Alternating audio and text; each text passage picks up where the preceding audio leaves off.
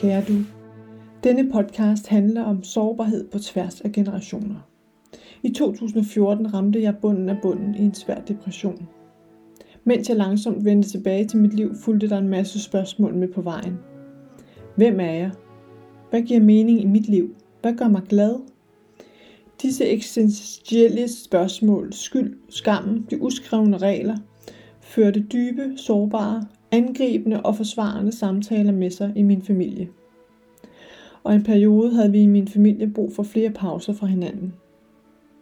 Podcasten handler derfor om, hvor svært det kan være at tage den svære samtale. At sige, nu starter vi et andet sted. Efter podcasten er blevet til, har jeg lært vigtigheden af at tilgive og sætte andre fri. For først her finder jeg fred. Jeg håber, du vil tage mig med i høretelefonerne på din gåtur, eller mens du støvsuger, eller andre ting. God fornøjelse.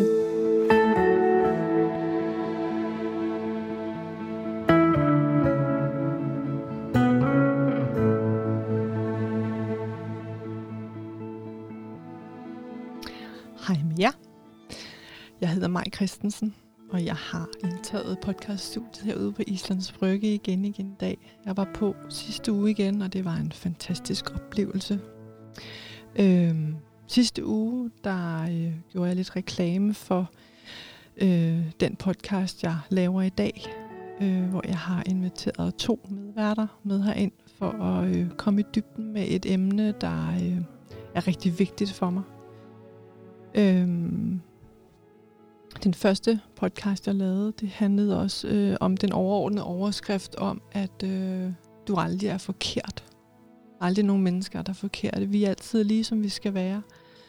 Øhm, og det i sig selv kan lyde som en kliché, men øh, jeg har masser på hjerte om det emne. Øhm, og i dag, der kommer det til at handle om øhm, at stoppe overleveringer, kan man vel sige, af forkerthed øh, i familien. Øhm, og det er et dybt emne, som øh, man kan få sådan helt hjertebanken over, når jeg sidder og tænker på de sidste mange år, øh, jeg selv har skulle kæmpe en del med øh, at få det bedre som menneske. Øh, og sørge for, at øh, mine børn har det godt som de mennesker, der er. Der er. Øh, i dag har jeg inviteret min mor ind, fordi min mor hun er øh, har en vigtig aktie også i det med, at vi skal øh, føle os øh, som de mennesker, vi er. Min mor har også følt sig forkert. En stor del af hendes liv. Det har vi snakket meget om i familien, så det kommer vi tættere ind på. Så velkommen til mor, skal jeg vel sige. tak.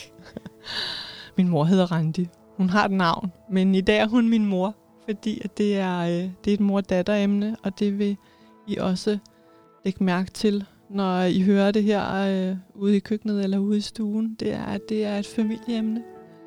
Så har jeg inviteret Jakob Tallerup Hus med herind. Hej Jakob. Hej mig. og tak fordi du ville komme i dag. Selv tak. Det er en fornøjelse. Jakob han er en sød og dejlig mand, og så er han samtidig psykolog. Og hvis jeg husker rigtigt, så er, har du speciale i smugspisning og overspisning. Er det rigtigt? Ja. Sådan nogenlunde. Kan Jeg du skal- ikke lige selv uddybe det? Ja, jeg er, ikke, jeg er ikke uddannet psykolog. Jeg har en kandidat i psykologi, Okay. øh, men jeg er ikke autoriseret.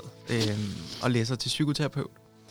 Og, øh, og ja, jeg har arbejdet med øh, især unge og, og voksne og overspisning. Så det var kort fortalt budskab. Ja. Det var lige så vi fik dig på den rette hylde. Ja. Ja. Jeg tog kontakt til dig. Jeg vil gerne lige fortælle historien om, hvordan vi er stiftet bekendtskab til at starte med. Jeg tog kontakt til dig for nogle år tilbage, fordi jeg selv har haft en problematik i min familie. Og den øh, problematik tror jeg, der er mange, der kan ikke genkende til derude.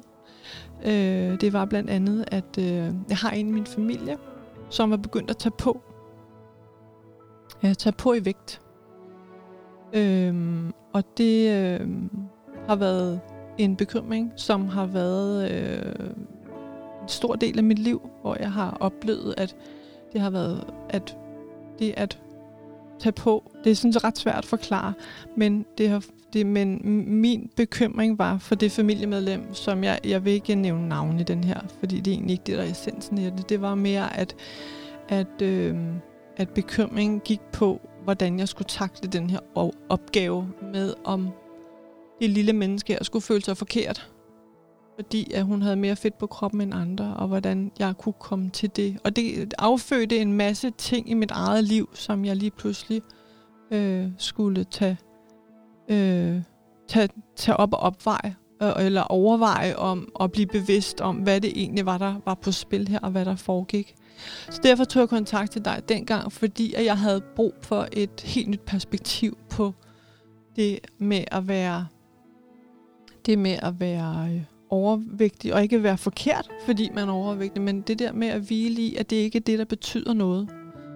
Øhm, og det er der ufattelig mange perspektiver på, kan man sige, når man snakker op. Men, men det, du hjalp mig med dengang, og det, jeg kan huske allerbedst, det var øh, humoristiske tilgang, der var til det, og den, den, den nysgerrige tilgang, i stedet for det, der kommer til at fylde mest, og det, der også øh, er fyldt mest i, mit, øh, i, i, i øh, min tilgang til det, kan man sige, at det der med, at når vi bliver så bekymrede, øh, og det er et eller andet sted også er belagt med skyld og skam, så kan man bare ikke finde den der humoristiske vinkel, eller den lette tilgang, hvor man går ind og tager presset af den der ballon, der bare er fuldstændig spærret op, som den følelse er, hvor man tænker, jeg er fuldstændig utilstrækkelig lige her, så jeg skal bruge noget hjælp. Mm. Og det var rigtig vigtigt. Det var rigtig vigtigt, den hjælp, jeg fik dengang. Og jeg skal mm. sige, hvorfor det var vigtigt for mig. Det er fordi, at jeg i 2006 øh, øh, blev uddannet, øh, tog en uddannelse inden for ernæring og sundhed. Og det gjorde jeg fordi det gjorde jeg på den baggrund af, at, øh, at jeg dengang troede på, min overbevisning var, at hvis man, skulle, hvis man skal føle sig oprigtig glad i sit liv, så skal man spise nogle gulerødder, og så skal man dyrke noget motion. Øh, og det var og så selvfølgelig også mange ting, men det var mest den fysiske sundhed, jeg gik op i dengang øh, og mente faktisk var også meget ret overbevist om, at de overvægtige mennesker og tykke mennesker, de var sgu nok dogne, fordi ellers var de vel ikke overvægtige. Og så skal jeg lige hurtigt sige, at jeg er blevet meget klogere siden, øh, og arbejder på en helt anden tilgang til mennesker i dag, øh, og med mennesker i dag. Men, men det var min overbevisning dengang. Det var derfor, at jeg gik ind, øh, og det tror jeg faktisk er meget tabubelagt, lige på den uddannelse også. Hvorfor er det egentlig, vi vælger at gå ind på den uddannelse. Men dengang, der fyldte det rigtig meget. At så længe vi havde de rigtige madpakker med, så gik det sgu nok det hele. Øhm. Og det er der sikkert mange, der går rundt og fylder sig selv med, og det faktisk virkelig ærgerligt, synes jeg. Ikke synd, det er bare rigtig, rigtig ærgerligt. Mm. Øhm. Og så øh, her for 5-6 år siden, der... Øhm, der øh, havde jeg en åbenbaring, og jeg tror, det var på baggrund af, at jeg brændte sammen med mit eget liv efter stress og depression, hvor jeg lige pludselig fandt ud af, at øh, det her det bundede så meget dybere, det liv, jeg gerne ville leve, øh, og begyndte at interessere mig rigtig meget for, hvad det er for nogle overbevisninger, vi har med os. Hvad er det, vi overleverer generationer imellem?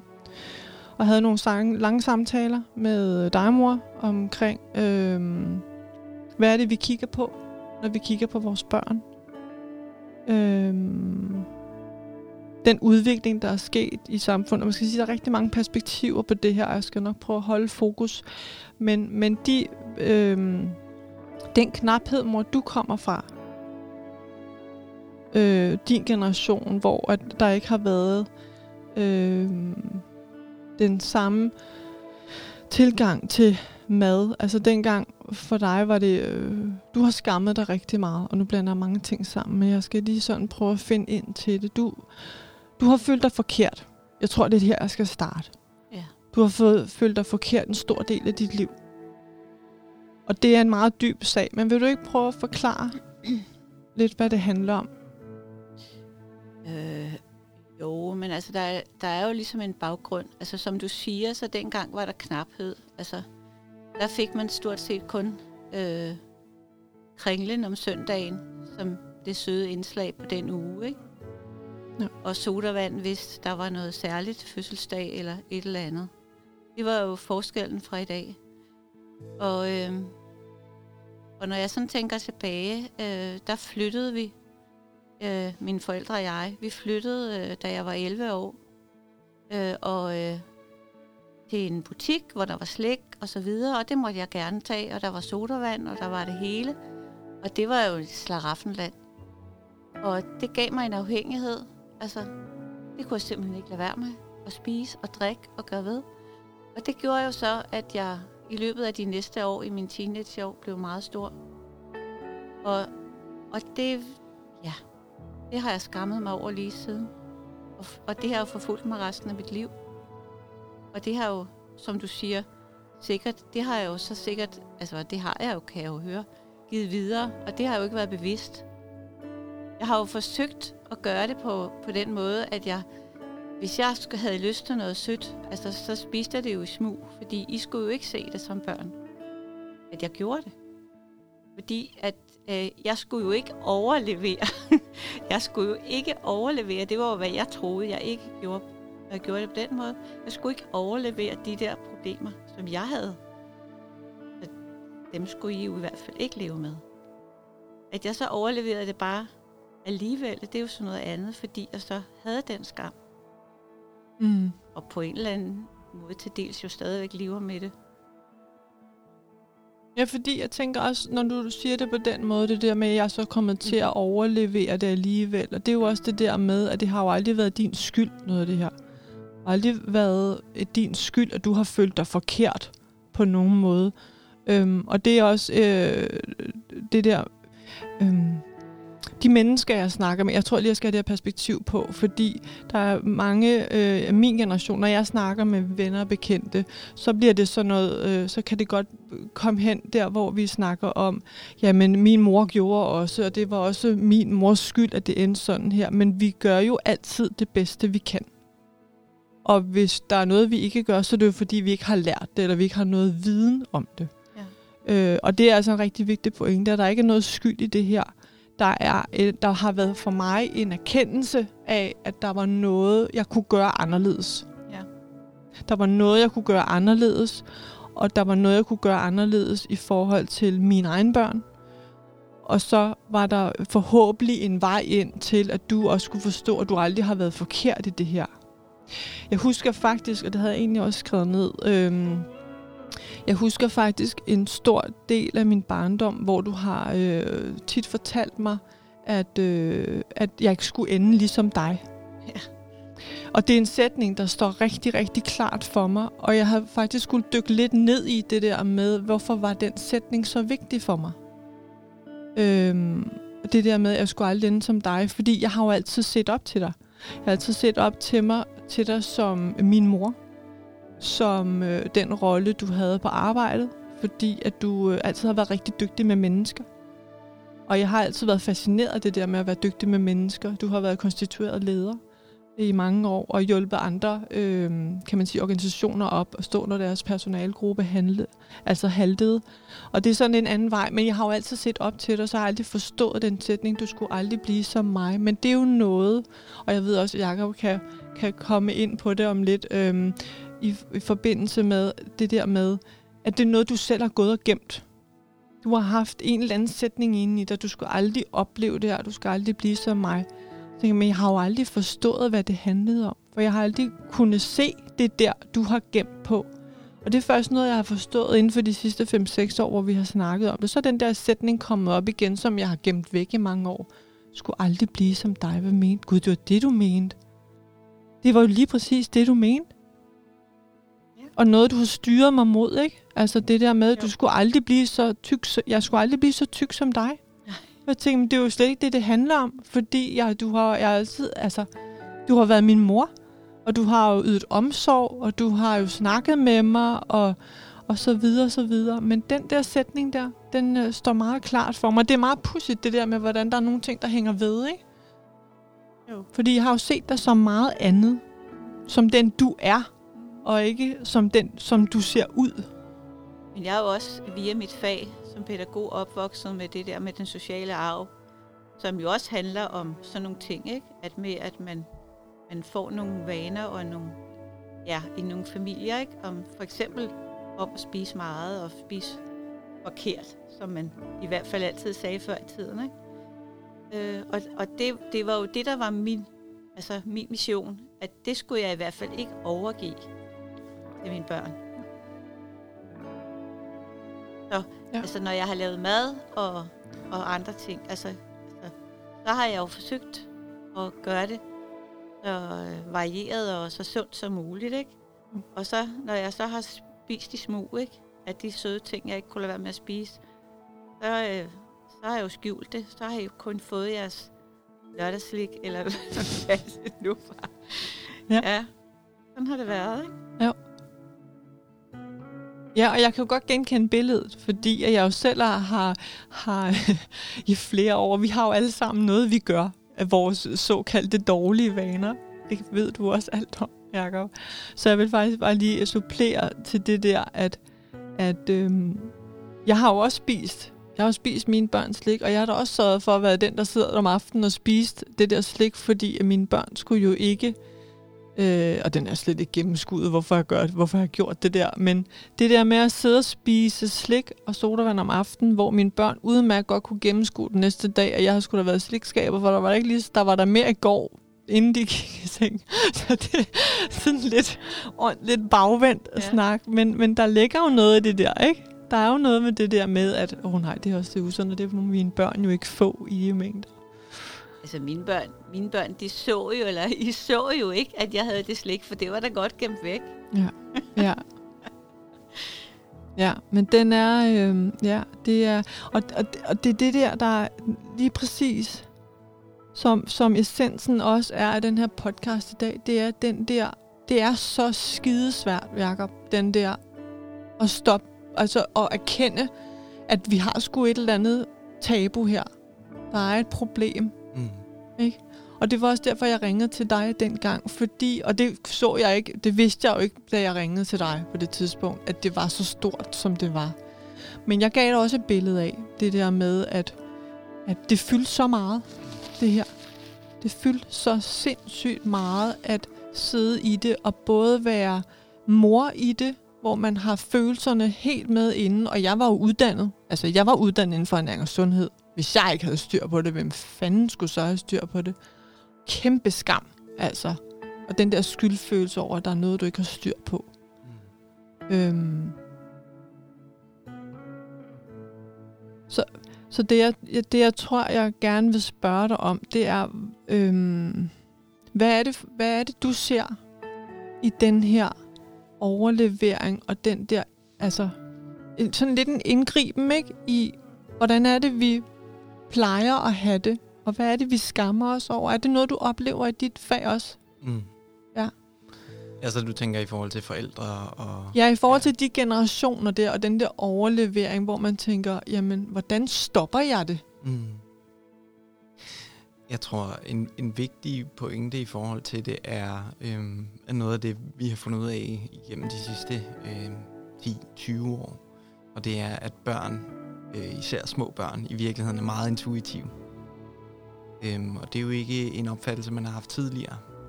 Der har vi virkelig, øhm, den ældre generation har forsøgt at kontrollere en masse og, øh, og styre, øh, hvordan vores forhold til mad blev. Man kan sige, at igennem den kontrol, så er der nogle gange kommet lidt modreaktion, som er, øh, altså der, der er lidt den der overdrevet kontrol, og så er der den der, det hele kan være lige meget.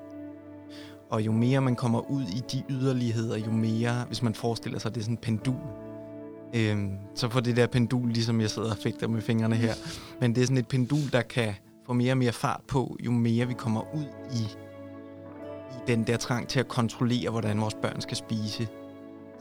Øhm, og der er, det jo, der er det jo vigtigt at kunne sige til sig selv, jamen okay, mit, mit barn ved faktisk godt, hvor meget eller hvor lidt mad det har lyst til. Øhm, det, det stopper med at spise, når det er midt. Og det er som udgangspunkt interesseret i mange forskellige madvarer. Øhm, man kan sige, det er os som forældre, der bestemmer det der med, hvad der bliver serveret, øh, hvornår det bliver serveret, men hvordan det bliver spist, og hvor meget, det er børn faktisk rigtig gode til at regulere selv. Og det er jo noget ret nyt, at, at det er sådan, vi har fundet ud af, at børn har det i forhold til mad. Fordi sådan har det ikke været før i tiden. Øhm, der har det jo været meget den her kontrol med, hvad de spiste, hvad de gjorde, øhm, som måske også har været øhm, lidt på bekostning af barnets integritet.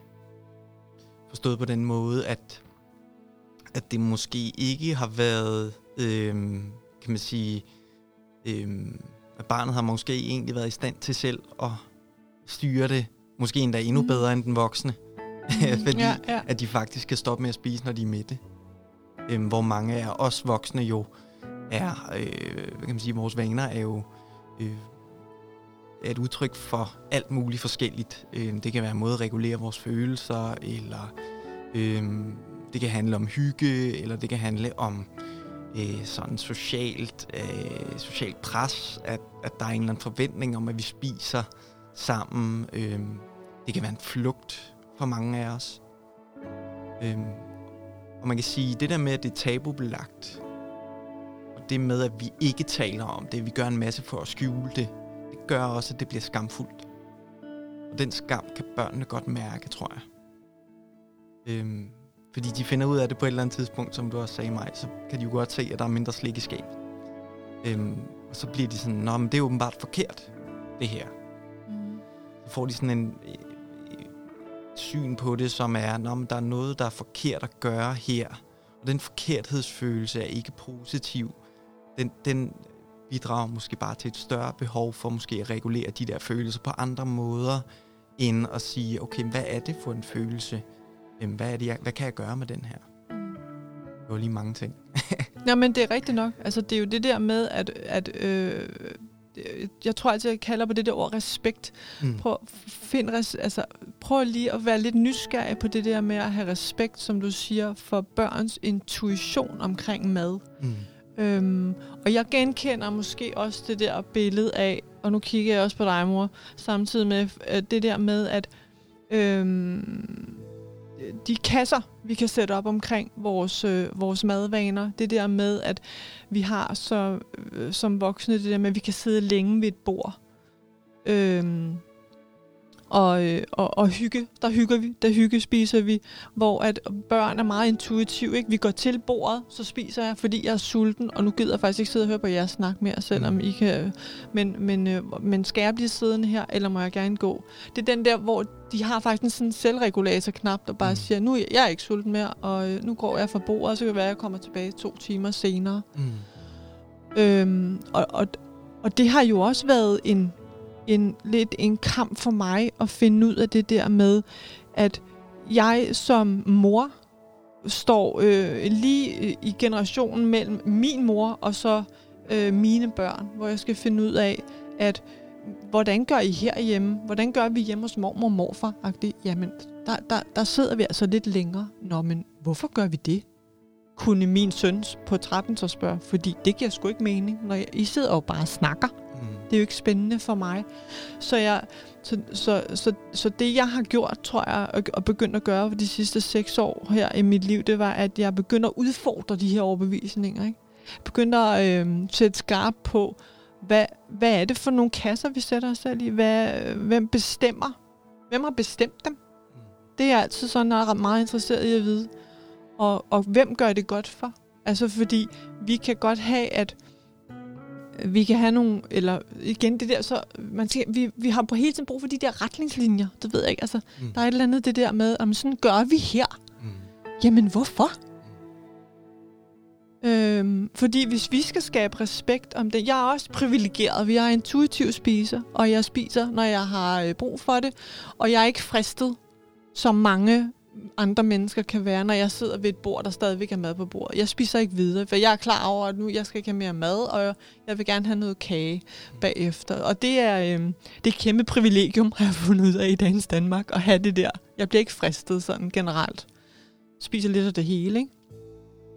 Øhm, så det, så det, jeg, det er lidt ved frem til her, det er den der udfordre rammerne, når vi skal stoppe de her overleveringer, og have, husk at have respekten med, for at vi alle sammen kommer fra forskellige historier. Mm. Vil du følge mig her, mor? Ja, Ja. det kan jeg godt. Mm. Det der med, at, at vi går ind, altså scenen er sat et eller andet sted til, nu går vi ind og spiser, men hvad er det egentlig for nogle forskellige familiemedlemmer, vi har her? Ja. Øhm, og det er jo også noget af det, jeg snakker meget med min storsøn om, fordi han er også intuitiv spiser, øh, og, øh, og det er hans søster ikke i samme grad. Så det der med, hvordan man selv kan regulere det, og nu er jeg færdig, eller hmm, der kan være, der kan være, øh, der kan være mange andre ting, vi også kunne komme ind på, og, det, og vi, jeg skal også prøve at blive lidt specifik. Jeg tror, øh, for at fange essensen igen også, det er det der med at kunne gå til de her svære emner. Jakob, nu kigger jeg også på dig. Mm. Fordi det er, øh, det er rigtig svært. Og det er sk- skide svært, når man, øh, når man har et mønster i familien, hvor at man har skammet sig over noget med mad. Og stå i midten, hvor jeg ikke rigtig har skammet mig, men, men, øh, men, jeg, øh, men jeg ville synes, det var forfærdeligt at give det videre. Så det der med at gå ind i en sårbar situation i forhold til det, du har kæmpet med, og skabe og have respekt for den situation. Få hjælp udefra Mm. til at se med nye øjne på situationen. Og så kunne arbejde videre derfra. Ja. Hvordan har du haft det, mor, med de snakke, vi har, vi har taget undervejs? Jo, men altså, altså det har da åbnet mine øjne for rigtig mange ting, synes jeg. Altså, altså og jeg, jeg ser tingene på en anderledes måde nu. Altså det der med, at man... Altså jeg har jo været opdraget til, at man blev siddende ved bordet. Altså der var jo noget, der hed et bordskik og bordskikke og, og forventninger til, at, at man sad til man var til de fleste var færdige. Så kunne man godt få lov til at rejse sig, ikke? Altså, det er jo, det er jo hvad jeg er opdraget med, ikke? Øh, og, og, og der er jo løsnet meget op. Og det, er- altså, det er fint for mig i dag. Altså, det, det generer mig ikke. Jeg synes så måske ikke, de skal rende frem, og tilbage børnene seks gange. Det er sådan noget andet. Altså fra et bord, vel? altså, altså det, selvfølgelig altså, kan man ikke bare lave fuldstændig op på det. Øh, men øh, de snakke, vi har haft, det har da givet mig rigtig meget. Synes jeg. Altså, Mhm. jeg har også flyttet altså, på nogle holdninger, bestemt. Jeg synes, det har lavet meget om mange ting i forhold til de snakke. Der er jo så også nogle ting, som jeg, som jeg måske ikke altid er helt enig i. Sådan vil det jo være, ikke? Altså, Jo, selvfølgelig. Ja. Selvfølgelig. Vi kan, man kan tit være enige om at være uenige. Det er der Ja, ikke noget galt med. nej vel? Jeg tror måske også, at jeg leder lidt efter den der stemning. Og det må du også kunne genkende, Jacob. Mm. I, i, i, også den stemning, jeg var i, da jeg ringede til dig i sin tid og havde et problem, hvor at tænke tænker også, at du kan mærke, når det, når det ligger dybt. Mm. Ja, altså man kan sige, i virkeligheden så er det jo øh, ens eget udgangspunkt som forældre, som øh, på mange måder definerer, øh, hvad det er for en stemning, øh, der bliver sat i forbindelse med måltiderne, og hvilken stemning, som børnene kommer i. Øh, fordi hvis det er meget af den her sådan, altså hvis det er sådan bekymring, og bekymringen beror på frygt, så øh, opfanger børnene det også, og så, øh, så går de også i sådan en i, i sådan en frygtmode på en eller anden måde. Og så, øh, så kan man sige, så, så bliver det jo skamfuldt. Øh, fordi så, så er der noget, der er forbudt at gøre, eller øh, forkert at gøre. Øh, hvor hvis man, altså, så kan man nogle gange som forældre, eller det er i hvert fald min oplevelse, så er der mange forældre, der faktisk glemmer at være nysgerrige og være, øh, have en eller anden respekt for, jamen der er nok en grund til, at, at mit barn gør, som de gør. Øh, kan vide, hvad det er for en grund. Jeg skal simpelthen løse det her mysterie.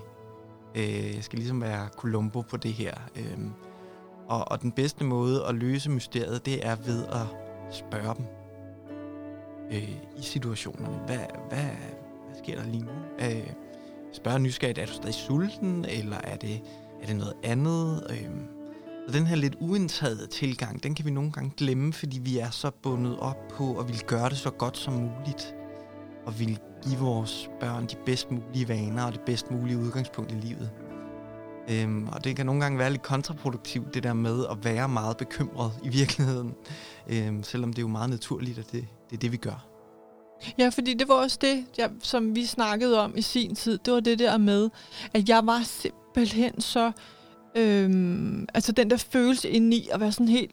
Åh, jeg er nærmest kvalt i det her, ikke? Mm. At jeg kunne nærmest ikke rumme det der med, samtidig med at være, samtidig det der med at være bekymret for, at der lige pludselig er et familiemedlem, der kommer hjem og har det vildt dårligt, fordi der er nogen, der har kommenteret på hendes udseende, mm. eller øhm, og samtidig skulle, skulle prøve at give de bedste vaner med, samtidig med, at man ikke vil sove nogen, samtidig med, altså lige pludselig så har man fået sat sådan en lavkage op af lag, uden at det egentlig bidrager med noget godt, fordi man gerne vil det bedste, men, men man får bare hældt hvad hedder sådan noget, man får hældt mere benzin på det der bål, mm. i stedet for, at man, man netop kan komme op i den der helikopter og så tænke, hvad er det egentlig, der foregår her, mm. når jeg sætter mig? Altså den der evne til at stille sig ved siden af det spisebord, man sidder ved, og så sidde og tænke, spiser I egentlig mad, fordi I er sultne? Eller spiser du mad, fordi at nu er vi sunde? Mm. Og det har jeg da tit tænkt over det der. Hvad er det, hvad er det for et fokus? Mm. Altså hvis du nu forestiller dig, at du sad med, øhm, det har jeg jo nogle gange gjort det der med, hvis du nu sad og lavede puslespil ved det her bord, med broccoli, og med peberfrugter, og med øh, kødboller, eller you name it, et eller andet sovs og kartofler, så vil udgangspunktet være et andet, fordi så sad du faktisk og legede med noget. Mm. Men lige så snart man går ind i den her stemning af, nu spiser vi, fordi vi er sunde. Mm det har jeg da gjort i mange år, det der med, nu er det nu. Er det nu.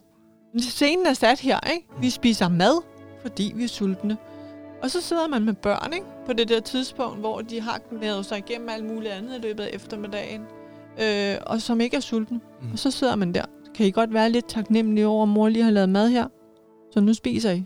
Mm. Og den har jeg tænkt meget over. Mm. Det der med, prøv at stille noget i... Øh, prøv at lege med tanken om, at det er noget andet, I sidder og laver. Hvordan vil du så gå til det? Mm.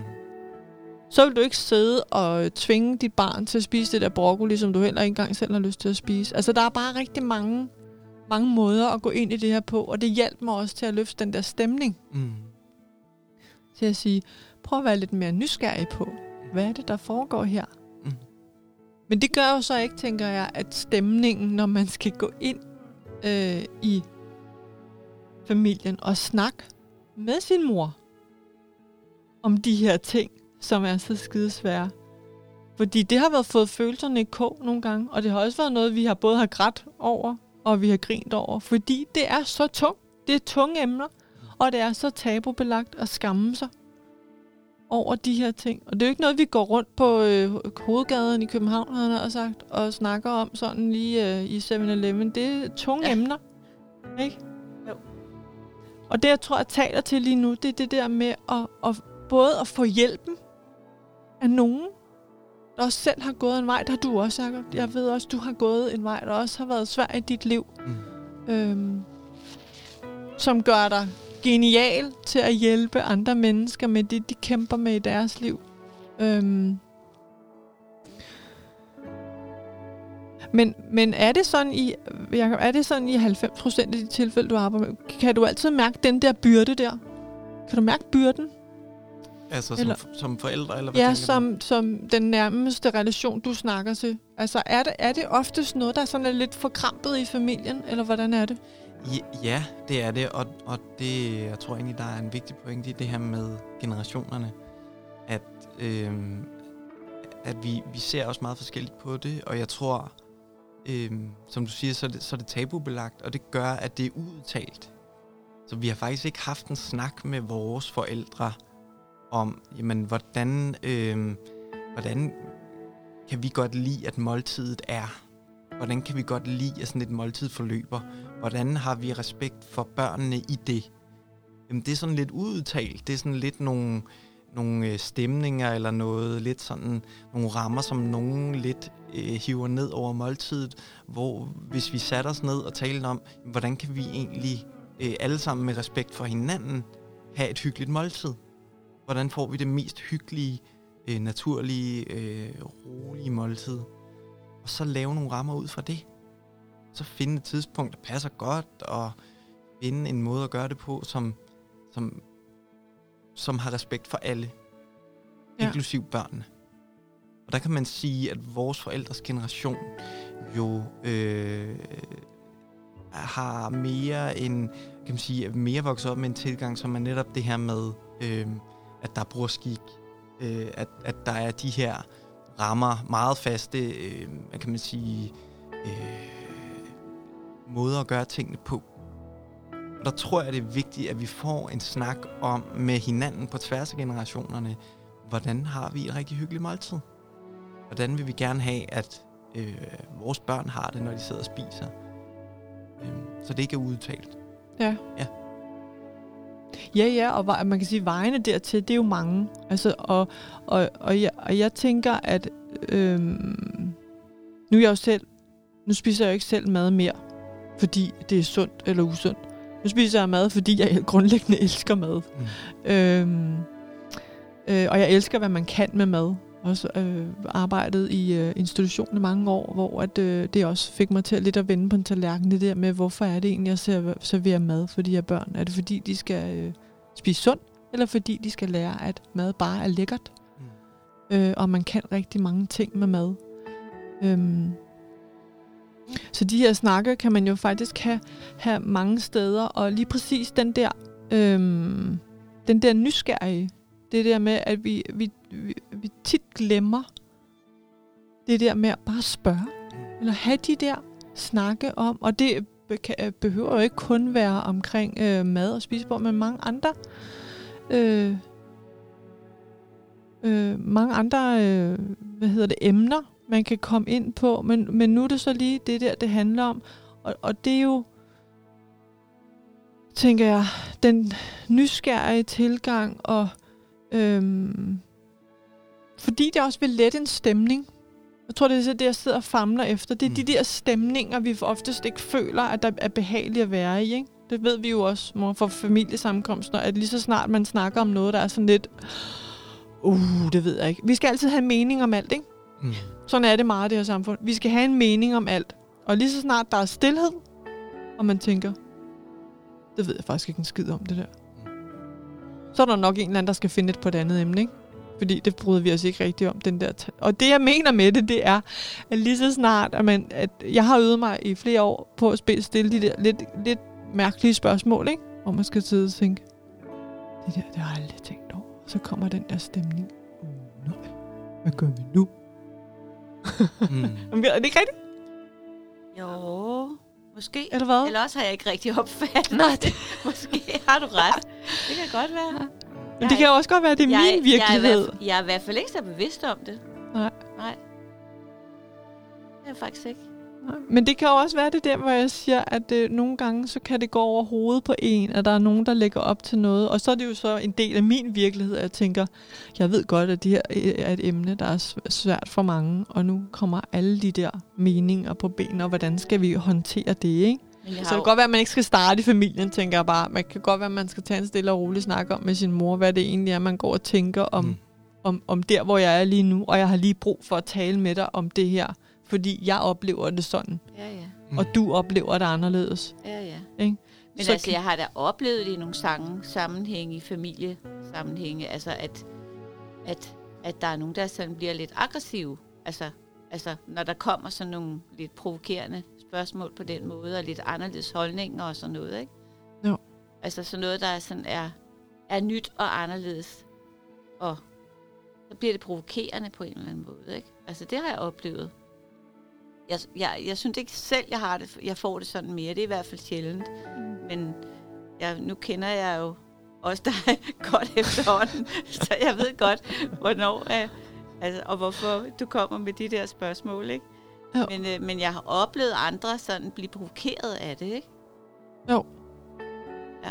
Men det er måske, det er måske sådan ret reelt, det der, den der provokation, Jacob, også med det der, den der aggressivitet. Fordi når jeg snakker, jeg har en, øh, en, øh, en øh, søn på 13, der øh, lægger mærke til rigtig meget. Altså mm. han er sådan særlig sensitiv, så han fornemmer mange stemninger blandt voksne mennesker især, der er han virkelig opmærksom. Øhm, og kan tit sidde og observere mm. i et rum, hvor han bare konstaterer, hvad der er, der sker. siger, altså, og han lægger tit mærke til det der med, så blev hun ret gal, hende der, ikke? Fordi at der var noget, så begyndte de på sådan et emne. Og så er der nogen, der bare sidder helt roligt, og så er der andre, der, der begynder at blive sådan lidt aggressiv og bare gerne vil have ret, mm. som han siger, ikke? Men det er jo også rigtigt. Ja. At der er nogen, der... Altså, det er virkelig svært, og jeg øh, er jo... Øh, og jeg arbejder også med mennesker til daglig, som, øh, som er meget præget af skam og skyld, hvor jeg siger, jamen hvis man har... Hvis der er noget, der trigger en, så bliver man oftest provokeret. Passiv eller aggressiv. Altså, der er sådan tre bevægelser i det der, ikke? Når man sidder i forum, hvor man så ikke er altid så, er så tryg. Så han har jo i princippet ret med... Noget gik galt. Det må jeg sige. Hun vil gerne være med. det må du ikke lige nu sige. Nej. Men den der den stemning der, Mm. den er jo ikke til at tage fejl af, når man kommer ind på emner, som er lidt ubehagelige. Nej, og der tror jeg lige præcis, at ord, jeg sidder, jeg sidder og tænker på, det er ansvar. Fordi der er det os som øh, voksne og forældre, det er vores ansvar at spejle øh, vores børn på en måde, der er i overensstemmelse med virkeligheden. Altså så er de simpelthen for at vide, at det her det er ikke farligt. Øhm, at vi får talt igennem, hvis de har siddet og fornemmet mange af de her stemninger, så er vi netop får talt det igennem for at spejle det på en måde, hvor de får en forståelse af, at det er okay. Det er okay at blive ja. vred over det. Ja. Øhm, og, og, og især det her med, at det i hvert fald ikke er deres skyld, at der er nogen, der er blevet vrede. Altså det, det tror jeg er meget vigtigt, fordi det gør børn helt automatisk ellers. Øh, de tager meget af de her ting til sig, og vil jo forsøge at samarbejde så meget som muligt. Og det, den måde, de kan samarbejde på, det er ved at lave sig selv om. Børn. Okay. De kan ikke lave andre om. Øhm, det ved vi, vi, vi voksne har jo en lidt anden måde at tænke om det på, fordi øh, så kan vi tænke, det er alle andres, andres skyld og sådan noget. Det kan børn ikke tænke de kan jo kun tage det på sig og måske lave sig selv om, eller tænke, hvad, hvad var der lige, der skete der? Så der er det vores ansvar som voksne at fortælle, det er ikke din skyld. Okay. Øhm, det, var, nå, det, det var, fordi han blev vred over, øh, eller er meget uenig med øh, ja. sådan og sådan. Det handlede, handlede slet ikke om dig. Nej. Nå, men det er så, fordi de tilpasser sig den stemning, der er, og den vil de gerne opveje på en eller anden måde. At det var Lige faktisk præcis. lidt ubehageligt, det her. Ja, og så prøver øh, de at samarbejde. Og hvad er det, der sker? Ja, Ja. Hvad er det egentlig lige, der sker her? Ikke? Og som du siger, de er rigtig gode til at opfange det. Ja. Helt naturligt er de gode til at opfange det. Ikke? Øh, på en helt anden måde, end vi måske gør. Ja. Jamen, det tænker jeg også. Og så hvis man, kan man sige, har to har meget forskellige børn, som reagerer meget forskelligt, så vil der også være... Øhm, jeg har to meget forskellige børn. Undskyld, min telefon, altså, min telefon larmer lidt i dag. Beklager forstyrrer lidt. Perfekt, uperfekt. Sådan er jeg også, ikke? Nej, men det jeg ville frem til, det var, at, at det der med at have to forskellige børn, som, hvor den, det, mit ene barn er rigtig god til at øh, sætte ord på den der stemning, der lige har været, eller hvad var det, hun mente, eller hvad var det, hun gjorde, og, og, og det, det barn, jeg har, det er så også rigtig god til at lodde de der stemninger over i skolen, når der er nogen, der skælder ud, eller så stiller han, han stiller de der spørgsmål, som mm det ikke er mange børn, der gør. Mm. Hvor den anden er mere, tager det mere ind af, tror jeg, uden at kunne egentlig sætte den der følelse på, hvad, hvad det er, der sker. Og der er det rigtigt, altså der er det et godt ord, det der med, at det er vores ansvar mm. at fortælle dem, at alt er okay. Og nogle gange så kommer de der svære spørgsmål på banen. Ja, fordi man kan sige, det er jo en måde at lære dem at tolke deres egne følelser, og ikke være bange for dem. Fordi de får sikkert en fornemmelse af, at der er noget her, der er, øh, der er på spil, eller der er noget, der... Øh, jeg får sådan et eller andet ubehageligt. Øh, og det kan jo enten vende indad, eller også kan man få det reguleret udefra, ved at der er en voksen, der siger, jamen, øh, det, det er fordi sådan her. Altså simpelthen for det forklaret. Ja. Øh, ja. Man kan jo sige det, altså, det lyder jo næsten, altså, som en større opgave i forhold til det barn, som ikke selv ligesom umiddelbart sætter ord på det. Ja. Mm. Ja, og, og man kan sige, øh, som vi også talte lidt om her før, så er der jo sådan, der er jo lidt to måder, at børn kan øh, være i det her på. Den ene er er sådan ret vendt, hvor øh, et barn ligesom øh, forsøger at være, øh, og ikke at være til besvær, at være pligtopfyldende og være øh, på en eller anden måde opretholde en, en balance, hvis der er noget, der ikke er helt som det skal være. Og så er der en mere spejlvendende, som er øh, en, der prøver at fortælle sine forældre, hey, øh, der, der er noget her, der er helt skævt. Øh, eller der er noget, der ikke helt er, som det skal være. Og det kan være ved øh, vrede, eller, øh, eller de her mere udadgående reaktioner. Øh, men begge måder er, at, barnet forsøger at opretholde en eller anden balance mm. i familien. Øhm, og der er det vigtigt, at vi som voksne, tror jeg, tager ansvar for at holde den balance.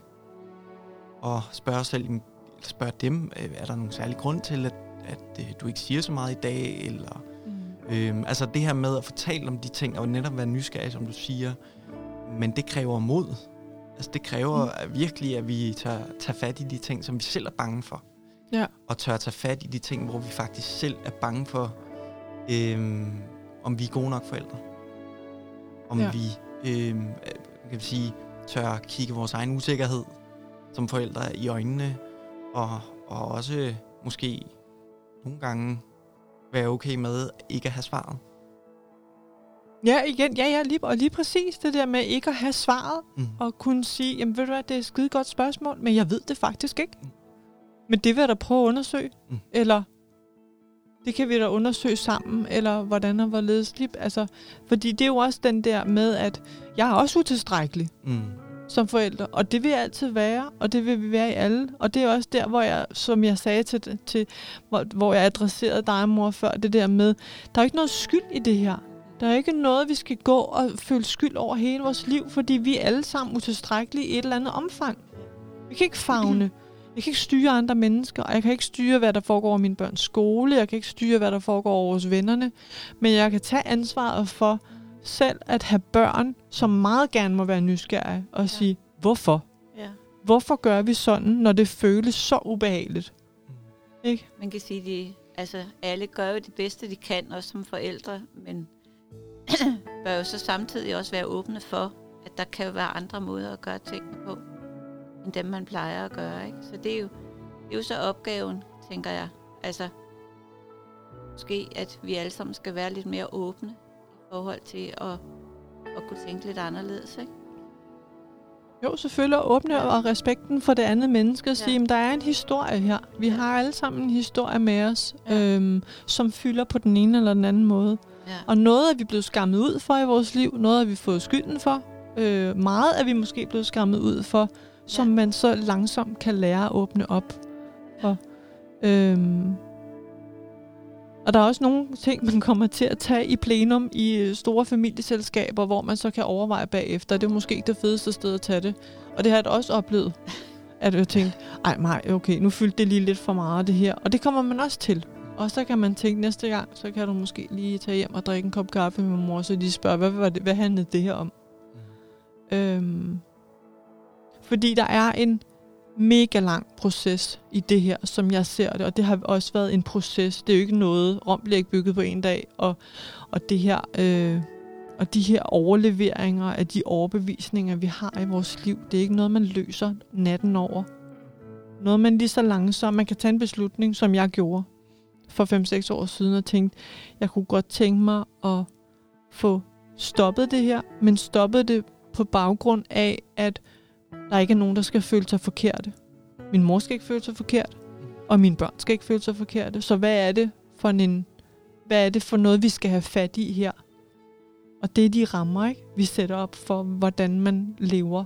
Ja. Øh. Og det at have mod til at, at gå ind i sig selv og tænke, tænke på en anden måde. Ikke? og jo. gå ind i, i, de, i de ting, der har været, og de ting, der er lige nu. Ikke? Jo hvad er det, der fylder lige nu? Ikke? Ja. Og det er jo lige så meget på mine vegne, som det er på andres vegne. Ikke? Altså, mm, hvis der er noget, man uh, går og er ked af, så er det jo sikkert, fordi man lige skal tage sig lidt tid, ikke? Ja. Og så lige prøve at finde ud af, hvad er det, der er på spil her. Øhm.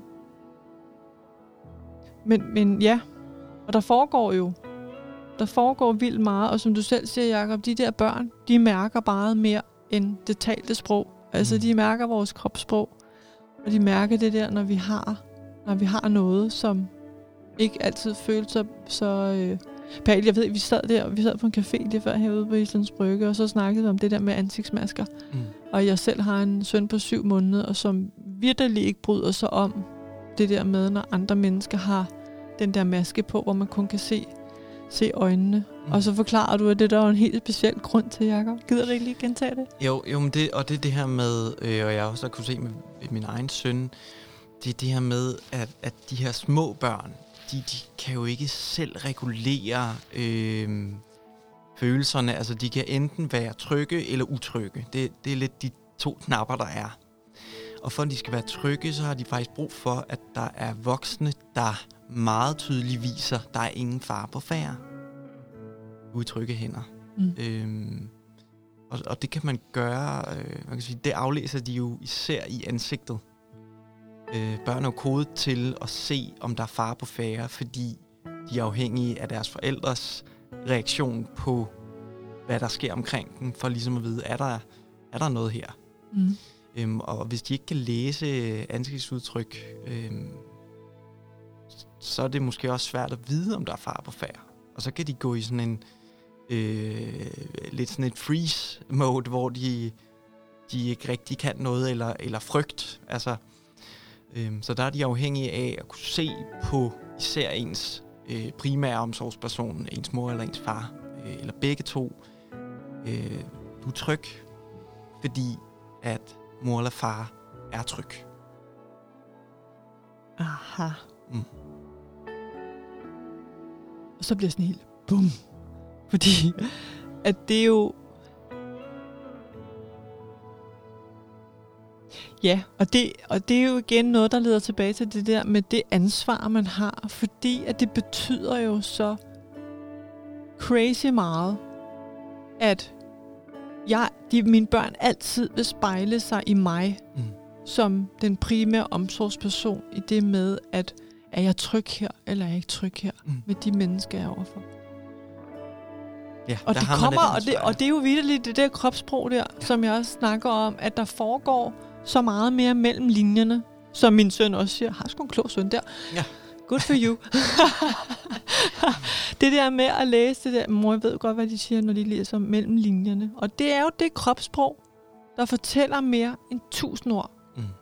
Og det er også, hvordan man har det i, i generationerne imellem. Altså, om, har man anstrengte familiemiddag, det kan de jo læse på lang afstand der. Er det hyggeligt at være her? Eller er det ikke hyggeligt at være mm. her? Hvad skal jeg? Jamen, det er helt okay. Nå, men jeg er vant til, at øh, de larmer dem der, og så larmer de der lidt mindre. Mm. Og hvad betyder det? Øhm, Og der får jeg lige lyst til at indskyde det her med, øh, det her med, jeg nævnte med samarbejde, det handler jo meget om, om barnet har en oplevelse af, at deres integritet bliver overskrevet eller ej. Fordi hvis de har, man kan sige, hvis de ikke har en oplevelse af, at deres integritet som person, som individ, eller hvad det nu er, bliver overskrevet, jamen så har folk jo bare lov til at gøre, som de gør. Så er der jo ingen fare på færre.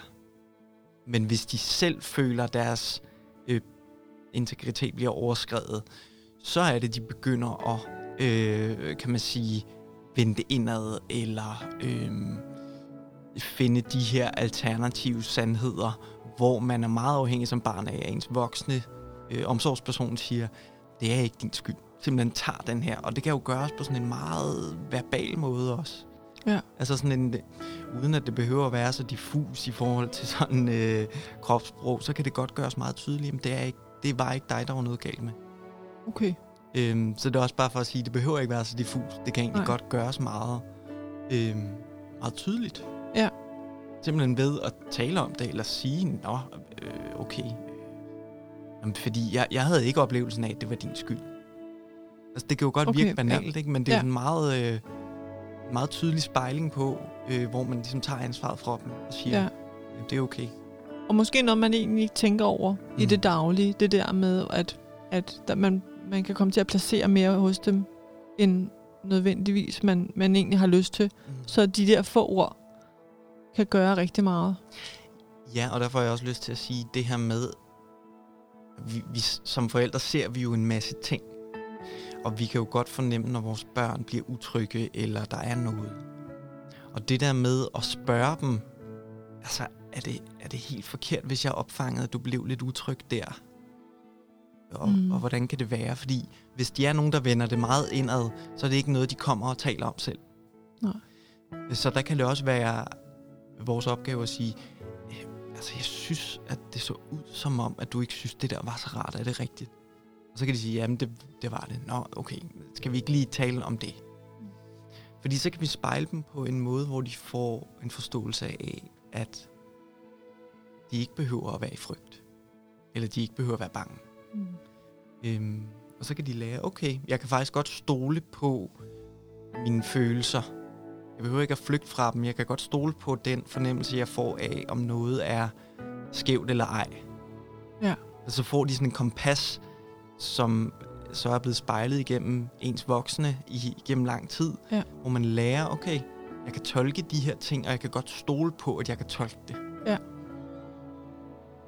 Jamen lige præcis. Og nu sidder du også, du peger sådan med dine fingre ja. ind omkring solar plexus, og det er jo også fordi, at man selv kan mærke at den der, de der stemninger, og når man selv føler sig som voksen, om vi er børn eller voksne føler sig utrygge, så skal man, så prøver man at pejle ikke, i forhold til den der stemningsforløsning. Er det rigtigt, det der foregår lige nu? Fordi vi alle sammen oplever virkeligheden forskelligt mm. afhængig af, hvem vi er. Øhm, så det handler jo lige så meget om, jeg tænker, at det jeg gerne ville frem til, det var den der, som du snakker om, den der spejling i børn. Det er jo også noget, vi sagtens skal spørge os selv om. Mm. Hvad var det, jeg opfattede her? Hvorfor var det, at jeg følte mig virkelig dårligt tilpas i den her situation? Og det er jo det der, jeg tænker, du snakker om integritet. Det er, er der nogen, der har trådt over mine grænser i dag? Mm. Og hvor, hvor var det? Hvor var det, det skete? Mm. I stedet for at pakke den væk, og så tænke, ja, nu er det også meget forkert igen. Ja. Eller, Netop. Ej, jeg er også bare så sart, eller jeg er også bare så følsom. Nej, det er du ikke. Du har bare oplevet at være i en situation, hvor at øh, der var nogen, der trådte over den grænse, du havde for, hvem du er, og hvor meget du kan være med til at... Øh, ja, hvad kan man altså runde op til den der igen respekt for, at du er et menneske, der har følelser, og der er øh, meget på spil. Og så har vi det ansvar, som vi selvfølgelig har, over for vores børn. Men jeg er også stadigvæk barn, ikke? Det er måske også det, vi glemmer nogle gange. Jeg har stadigvæk en mor, ikke? Jeg er stadigvæk mor om 40 år, hvor jeg stadigvæk kan finde den der nysgerrighed, ikke? Så det er vel i bund og grund det, det handler om, ikke? Ja. Spørg nu ind til de her ting, som er lidt svære. Ja, og måske også det, du siger med at være opmærksom på ens egne øh, kan sige, følelser. Altså de, egen, de, de følelser, vi selv har som voksne. Mm. Øh, fordi mange af os har ikke lært at tolke de følelser særlig godt. Øh, mange af os har jo, har jo også lært, at det er vores skyld. Eller, øhm, og det kan vi jo godt på en eller anden udtalt måde give videre ved, at det er det, der bliver styrende for vores, for eksempel vores måltider. Mm. Øh, så er det simpelthen frygten for, at, øh, at vores børn udvikler øh, en eller anden dårlig måde at spise på, der styrer øh, det her med, at vi prøver at skjule rigtig mange ting. Øhm, mm. Og det er jo vores egen frygt. Det er jo ikke, en, det er jo ikke med, med udgangspunkt i barnet, fordi barnet kan jo sgu godt styre, øh, i hvert fald hvis de er under tre år. Mm. Øh, de kan godt styre, hvor meget de har lyst til. Om de har lyst til frugt, eller grøntsager, eller slik, eller... Øhm, så det er vores egen bagage, som vi mangler nogle gange at tage fat i og sige, hov, hvad er det lige, der styrer det her? Jamen, det er faktisk min frygt for. Der kommer ikke noget godt ud af frygt. Hvis jeg nu var nysgerrig, og hvis jeg nu turde tage fat i det her, hvordan kunne jeg så godt tænke mig, at vores måltid så ud? Hvordan, hvordan får vi et roligt måltid? Øhm, jeg har jo egentlig rimelig tillid til mit barn, hvis jeg lige mærker helt efter. Jeg har rimelig tillid til, at de godt selv kan styre det. Det ja. har jeg jo set. Altså, ja. øh, hvis man ser en toårig, der sidder og spiser, jeg, jeg, jeg har min, min søn Otto, han sad forleden og spiste gulerødder i sådan nogle, øh, sådan nogle runde, øh, vi havde skåret ud og kogt, og så sad han og spiste nogle af dem, og så sad han begyndt at stable dem. Mm. Altså som, som Ja. vi gør med duplo. Ja. Og så sidder han og spiser lidt noget andet, og sådan sidder og leger lidt med det. Og så lige pludselig stopper han. Ja. Og så vil han gerne ned, fordi han kan ikke spise mere. Og det er jo det, og det er derfor at vende tilbage, det er det, der er i det er en, den intuitive spisning for Mm. børn. Hvis Mm. der er nogen, der ikke ved, hvad intuitiv spisning er, så er det, at man spiser, når man er sulten, mm. og vi stopper, når vi er mætte. Det er sådan en helt naturlig flow i, hvor man har brug for, og hvad man ikke har brug for. Mm. Øhm, og det er børn bare naturlige talenter til. Mm. Øhm, øhm, nu tager jeg lige tråden. Nej, men altså præcis det der med at, at, gå, og, øh, og, og være nysgerrig. Være nu nysgerrig over for de der overbevisninger, vi har. Øh, og når vi som voksne selv mærker, at, at der er sgu et eller andet. Fordi øh, at, øh, hvis, man, hvis man lærer... Nu har jeg selv lært mig selv at, at give mig selv lov til at mærke efter, at når der er nogle stemninger, der føles forkerte, så er der noget på spil inde i mig. Mm. Så er der min integritet, der er på spil. Mm. Og så vil jeg gerne have det opklaret. Mm. Øhm, og det er ikke fordi, at jeg skal gå ind og... Øh, man skal ikke forveksle det her med at gå ind og lave om på min mors og fars øh, liv, fordi at de har, I har jeres. Men det er igen at stille spørgsmålstegn til, når vi nu kommer som familie på besøg hos mormor og morfar. Hvad er det så? Hvad er det for et perspektiv, vi har? Er det vores børns perspektiv, vi har til det her måltid? At de er sultne, og, og så er de mætte, Mm. og så går de for bordet, og så er de måske ikke lige spist så meget lige der, men så er der faktisk mad i køleskabet to timer senere, hvis de har lyst til det her. Øhm, så, det, så jeg plæderer for den her nysgerrighed med den her podcast også, at vi finder, øhm, vi finder vores nysgerrighed frem, og vi finder vores åbenhed frem, og vi har stadigvæk respekt for, at når vi træder ind til scenen hos mormor og morfar, så er scenen sat til en virkelighed. Men det er ikke ens betydende med, at vi ikke kan stille spørgsmålstegn. Vi har bare respekt for, at der er nogle ting, man gør sådan her herhjemme, så længe man ikke redder over hinandens grænser. Og når man kommer hjem til os, så kan det være, at vi gør det på en anden måde. Øhm, så udfordre kasserne, hvis de er rigide, og hvis de handler øh, om at sidde meget stille, så kan det være, at man skal udfordre sig selv på, på, på legebanen ude i haven, i stedet for, at man skal sidde for længe. Der kan være mange nuancer af det. Jeg tror, men, men øhm, essensen er stadigvæk, at der, der er ikke... There's no right and wrong her. Der er faktisk mere både og, end der er enten eller. Mm. Øhm, Der, der vil jeg lige lave en, øh, en, en indskydelse, fordi øh, det ved jeg ikke helt, om jeg er enig i. Nej. Der, er- der er noget i forhold til det her med, om man gør... Øh, altså, der er noget i forhold til det her med at være restriktiv, som vi kan se øh, ikke er godt for børn. Altså, vi kan Ja. simpelthen se det her med, øh, at dem, der udvikler spiseforstyrrelser, er faktisk dem, der har øh, vokset op i hjem, hvor det har været meget forbudt at spise de her søde sager, for eksempel. Ja. Eller meget restriktivt. okay. Øh, man kan se det øh, igennem interviews, at det simpelthen er øh, næsten altid er sådan. Sådan de er vokset op. Så der er noget i forhold til her, at have en tillid til sine små børn. Ja. En tillid til, okay, jeg kan faktisk godt øh, sænke skuldrene lidt, jeg behøver ikke styre så meget. Jeg, det er mig, der bestemmer, hvad der bliver serveret, og det kan jo godt være øh, varieret og sundt, og det er jo rigtig godt, at der er grøntsager, der er frugt, og en gang imellem Ja. ja. er der også slik. Men i bund og grund kan de faktisk godt selv mærke efter langt hen ad vejen. De er nok bedre til det, end vi er. Ja.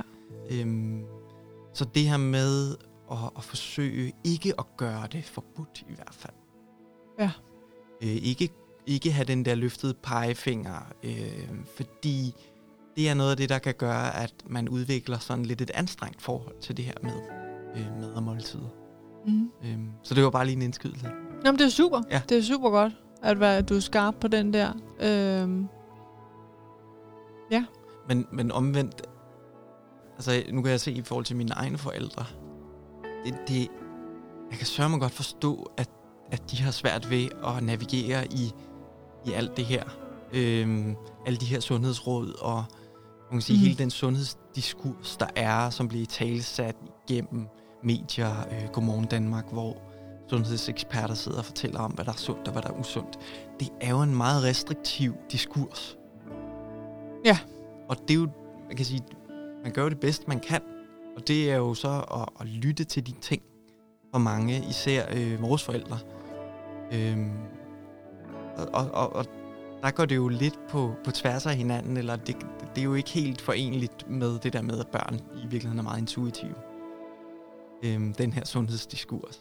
Nej. Så jeg kan godt forstå, at der er en eller anden forvirring eller en, en dissonans ja. i forhold til, hvad Ja. fanden skal vi så gøre, ikke? Jo. Øhm, og det tror jeg er vigtigt at tale om. Det der med, Nå, jeg troede faktisk, at det var usundt at spise frugt. Jamen, det er faktisk, øh, det er faktisk okay, og der er ikke noget, der tyder på, at øh, det skulle øh, være særlig dårligt for børn. Mm. Nå, okay. Og så netop have nysgerrigheden til at sige, okay, jeg kan faktisk godt ændre på, hvad jeg troede øh, var sandheden om, hvad der lige var sundt der. Ja. Det kræver mod at sige, jamen okay, jeg tog fejl. Eller jeg havde, jeg, jeg har måske sagt nogle ting i løbet af årene, som jeg ikke helt kan stå ved nu, når jeg ved det. Ja, ja. Øhm, det er jo sårbart.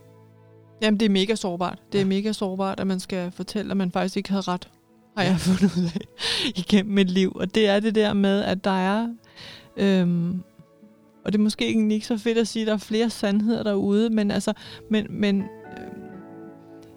det jeg kan sige, det er, at jeg har fundet to hjertebørn, øh, som jeg lytter til, når jeg bliver i tvivl om hvad, øh, og det er virkelig, virkelig set fra børneperspektiv, og det snakkede vi også om inden, Jacob, af Morten Elsø og øh, Anne Gormand har lavet øh, blandt andet podcasten Detox din hjerne. Mm. Og de er, øh, Morten Elsø, han er stærk videnskabsmand, øh, men også dygtig til at operere på øh, andre niveauer, både børneperspektiv og forældreperspektiv, og Anne Gormand supplerer ham så godt Mm. i det lejende element. Så en klar anbefaling herfra, hvis man går og kæmper med nogle af de her ting. De har skrevet bogen Madro. Ja. Øh, og jeg har faktisk ikke læst den, men øh, jeg vil glæde mig til at købe den, og til at have den som et opslagsværk, når jeg bliver i tvivl en gang imellem, fordi der er, de har bare mange guldkorn Ja. ja. omkring det her Ja, sådan. med at lade børn lege Mm. og respektere deres intuition. Vi kan lære så meget Ja. af vores børn ved at sidde og kigge på dem en gang imellem. Ja, og, og jeg tror, at en af hovedpointerne er også det her med, at vi virkelig skal sænke forventningerne til os selv Ja. som forældre. At vi faktisk øh, godt kan slappe af i måltiderne. Ja. At vi godt kan lade børnene blive færdige med at spise hurtigere, end vi gør, og vi så bliver siddende. Øhm, at det også er okay. Altså det her med, at der faktisk er plads til netop madro for alle Ja, at der er en respekt for, okay, du, har, du er faktisk færdig med at spise. Ja. Øhm, hvad har du brug for? Jeg har brug for lige at sidde og spise færdig. Er det okay? Altså den her Ja. respekt, så det ikke foregår på den der belærende måde, men foregår Ja. på en nysgerrig måde. Ja. Øhm, det var faktisk rimelig meget godt punktum for den her podcast. Øhm. Og jeg kan mærke i min mave, at vi har været meget, vi har været meget dybt, og det er nogle, nogle stærke emner, og det er nogle sårbare emner, øh, vi kommer rundt omkring. Øh, Så jeg vil faktisk afsluttende sige, at, øh, at jeg øh, er på med en ny podcast i næste uge, hvor jeg har øh, inviteret min sparringspartner og min, øh, min meget særlige, sensitive mentor med ind i studiet. Øh, der skal vi snakke om... Øh, øh, der skal vi også snakke om bekymringer. Og det at øh, have bekymringer om blandt andet at udvikle sin egen øh, business, øh, som jeg er i gang med lige nu. Øh, hvor man også bliver meget sårbar, og hvor man også reagerer på sin frygt tit og ofte. Og det kan hun fortælle rigtig meget om. Hæmmende overbevisninger, som Mm. hun kalder det. Og det er også et, øh, et virkelig, virkelig stærkt emne. Det vil jeg glæde mig til. Men tak, Jakob, fordi du var med i dag og brugte din tid på det. Og tak, mor. Fordi du er min mor. og fordi at vi får taget rigtig mange samtaler Ja. i årens løb. Og øh, det er vildt sejt, du er med herinde i dag. Og det øh, kan jeg også se på dig nu, at det er et følsomt emne, som man godt kan begynde at tude lidt over. det er det. Fordi det, har, det er stærkt. Og det er øhm, stærkt at gå ind i den her snak, og det skal du slet ikke. Det er godt at sætte et begreb om, at det er, det er rigtig stærkt, fordi det er et fåtal af mennesker, der øh, har virkelig meget mod på det. mm. Så jeg håber, den her med den her podcast kan være et afsæt for at få taget nogle gode snakke, nogle nysgerrige snakke med respekt for, hvor vi er henne i livet. Og komme lidt videre på den her. Og ellers så er du i hvert fald på linjen, Jakob, med øh, din øh, specifikke viden. Øh, og du, der er en klar anbefaling for mig her, i hvert fald til dig. Tak. Så tak for i dag, og tak for nu. Jeg har også bare lige lyst til at afslutte ja. med at sige, at øh, de her følelser fra min side lige nu, handler lige så meget om jo at opleve dig lige nu. Og i den her podca- podcast. Ja. Ja, puh, ja. Og så med det, så siger jeg bare tak for nu.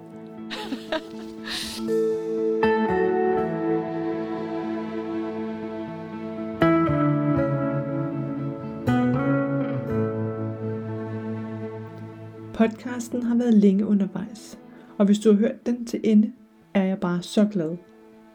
Til dig, der er ny hos mig, hedder jeg Maj Christensen. Jeg er intuitiv vejleder for passionerede kvinder, der skal finde et nyt ståsted efter en depression. Tak for nu og på genhør.